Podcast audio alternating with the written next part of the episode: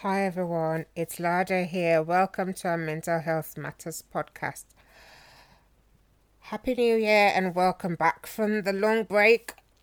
We will be starting off this year, hoping it's a better one for everyone, with critical conversations on mental health talking about mental health and mental well being can be a very difficult thing. Reasons being a lot of people don't know much about mental health, a lot of people feel they don't have uh, the the professional skills or they don't have what it takes to help somebody who opens up to them about mental health.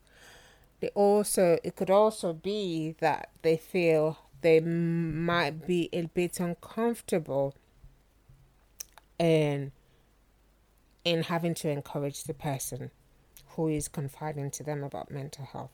And this also goes in hand for people who need to have that conversation with a loved one, with a boss, or with somebody who is important to them. So, here are a few tips first and foremost, for those who are on the receiving end, who somebody has chosen to confide in about a struggle with mental health, the key is to first acknowledge that the person has chosen you to be there for them and to speak to you about something that is very difficult that is a privilege that should be taken and acknowledged and um, said back to the person. First and foremost, listen.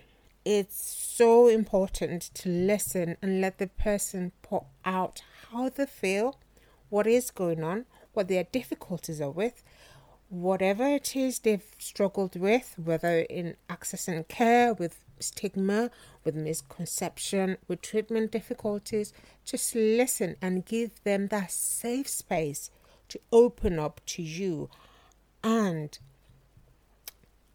acknowledge this.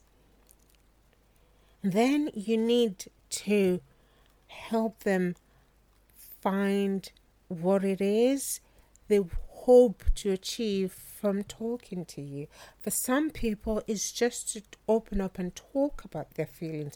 They feel better after opening up to somebody they respect or somebody they love, and that is all just what they want. For others, it could be that they're seeking solution to the difficulties or they're asking questions around what is going on in their life. For those who are asking questions, be curious and help them tease out what the question is. Sometimes the conversation can just go on and on, and if they themselves don't have a grasp of what that question is, they're just saying this and putting it out there and looking for somebody to help them. Third, be empathic. It is so important. First, it was a it is a privilege that the person has chosen to confide in you it is important to try to imagine yourself in that person's shoes. Mental health are mental health is is a difficult topic. It is a critical conversation that people find difficult to open up and talk about. Try and put yourself in the, that person's shoes and try to understand how they feel and what it is they're struggling with. Be kind to them Sometimes it could be as a result of something they have done wrong or as a result of an action that has escalated and led to a couple of things. It is very good to be kind and non judgmental and try to help them with the conversation and how they are finding things. Also, it is important to check in with them. So now they've they've had a conversation with you, they've spoken to you, you've had this long conversation, you've listened, you've been empathic. Check in with them. Thank you so much for this. It's a, it's a privilege. What were you hoping to get out of this conversation? They might have had, they might have come in with the intention of, I just need to pour it out. And along the lines, they discover that, yes, I did think I wanted to talk about it and open up, but there is a question that has been nagging, which has been in my subconscious, which has come out now. So don't just take it that they have said they just want to pour out to you, but check in and see if there is a question, if the objective has been achieved. Now, this is for the people who would want to initiate the conversation. It can be difficult. There is so much criticism of mental health, there's so much stigma about mental health out there that discourages people, that is, service users, or even people who want to talk about their mental well being and don't have any illnesses with others. So it is important to have that outline what are my objectives? If it is talking to a loved one or family member, trying to make them understand you or understand the difficulty or understand um, your struggles with your mental well being? Or is it with a boss at work to, to, to make the boss understand any difficulties? Is it with a colleague at work or is it with a family member? These can be inundating. However, here are a few tips. First and foremost, plan. So it is very, very good to have a plan of what the conversation is all about, of what, what you're hoping to achieve, of what the difficulty is.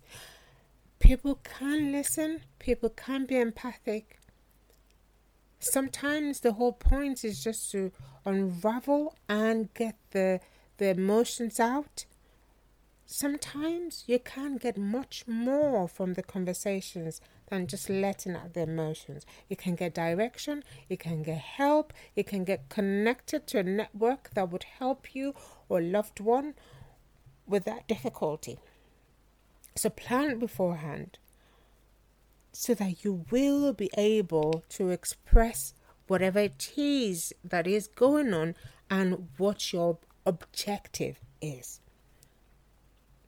Planning ahead will be it would involve planning the the environment, would involve planning the timing, would involve planning the words so you the the, ex, the the feelings and the expressions can be fully articulated.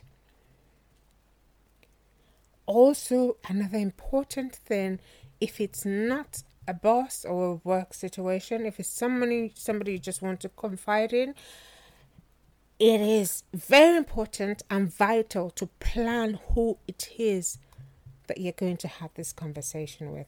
You don't want to have the conversation with somebody who's going to be negative about your experience. You don't want to have the conversation with somebody who's going to discourage you. You don't want to have somebody with to have that conversation with somebody who has high expressed emotion who's just going to dip you straight back into the pit of emotional dysregulation. So, planning is extremely important. It has to be right environment, as much as possible, the right timing, as much as possible, the person to tell. It has to be somebody who is a confident, somebody who you trust, and somebody who can help. Couple of other things to note. Mental health difficult mental health difficulties are can be difficult to talk about it will take time to learn to open up and talk to people or have those conversations with people. Largely because of very little knowledge about mental health difficulties, also because of the stigma, also because of the negative media portrayal of mental health difficulties. However, the important thing is to note that you have made the right decision in speaking up. Speaking up takes a lot of courage. Seeking for help is very courageous. It is not a sign of weakness as people often think. It takes a lot to actually speak up and look for help than to bottle it in. Having made that decision to open up to somebody or talk to somebody is a sign, is a very positive sign for you. So encourage yourself that you have gotten to that stage where you have found or you have decided that you're going to open up and talk to somebody. As they always say in this hashtag, it's okay not to be okay. There are times people will struggle with their mental health. There are times people would have relapses of illness. There are times people will need the extra bit of support from medications, from family members, from services. It is okay not to be okay. It is okay to ask for help. It is okay to seek someone out and talk to them. Most especially, you have to check in with yourself. Because surrounding this whole conversation is you. You are the highlight of the conversation. You are the highlight of the difficulty. You are the highlight of whatever circumstances going on. You are the highlight of the illness. It is about you. You have to check in with yourself. You have to check in with your mental health, well, mental well-being. You have to check in with the mental health difficulties, and you also have to check in with your objectives and aims. There's so many um, charities out there who can also um, help when people are tied down and they need somebody to talk to. There's Shout, there's Good Samaritans, and there's quite a number of them. If you just go on Google, just check the charities you can talk to in your local area it is good to talk. It is very important to have critical conversations. It is not only just about mental health, but also in different aspects of our life. I have focused on mental health because it's a mental health podcast. And yes, as always, our Mental Health Matters is a mental health podcast focused on talking about mental health difficulties, mental well being, the functions of the brain, and mindset and this is why we will continue with the critical conversations in helping people out there. So make this the year you take that step to have those critical conversations that would help you.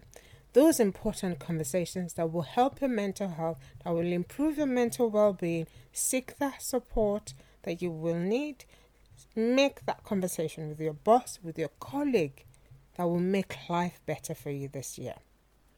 And hopefully, this year we will have quite a number of service users or experts by experience who will come to share their experiences on our podcast.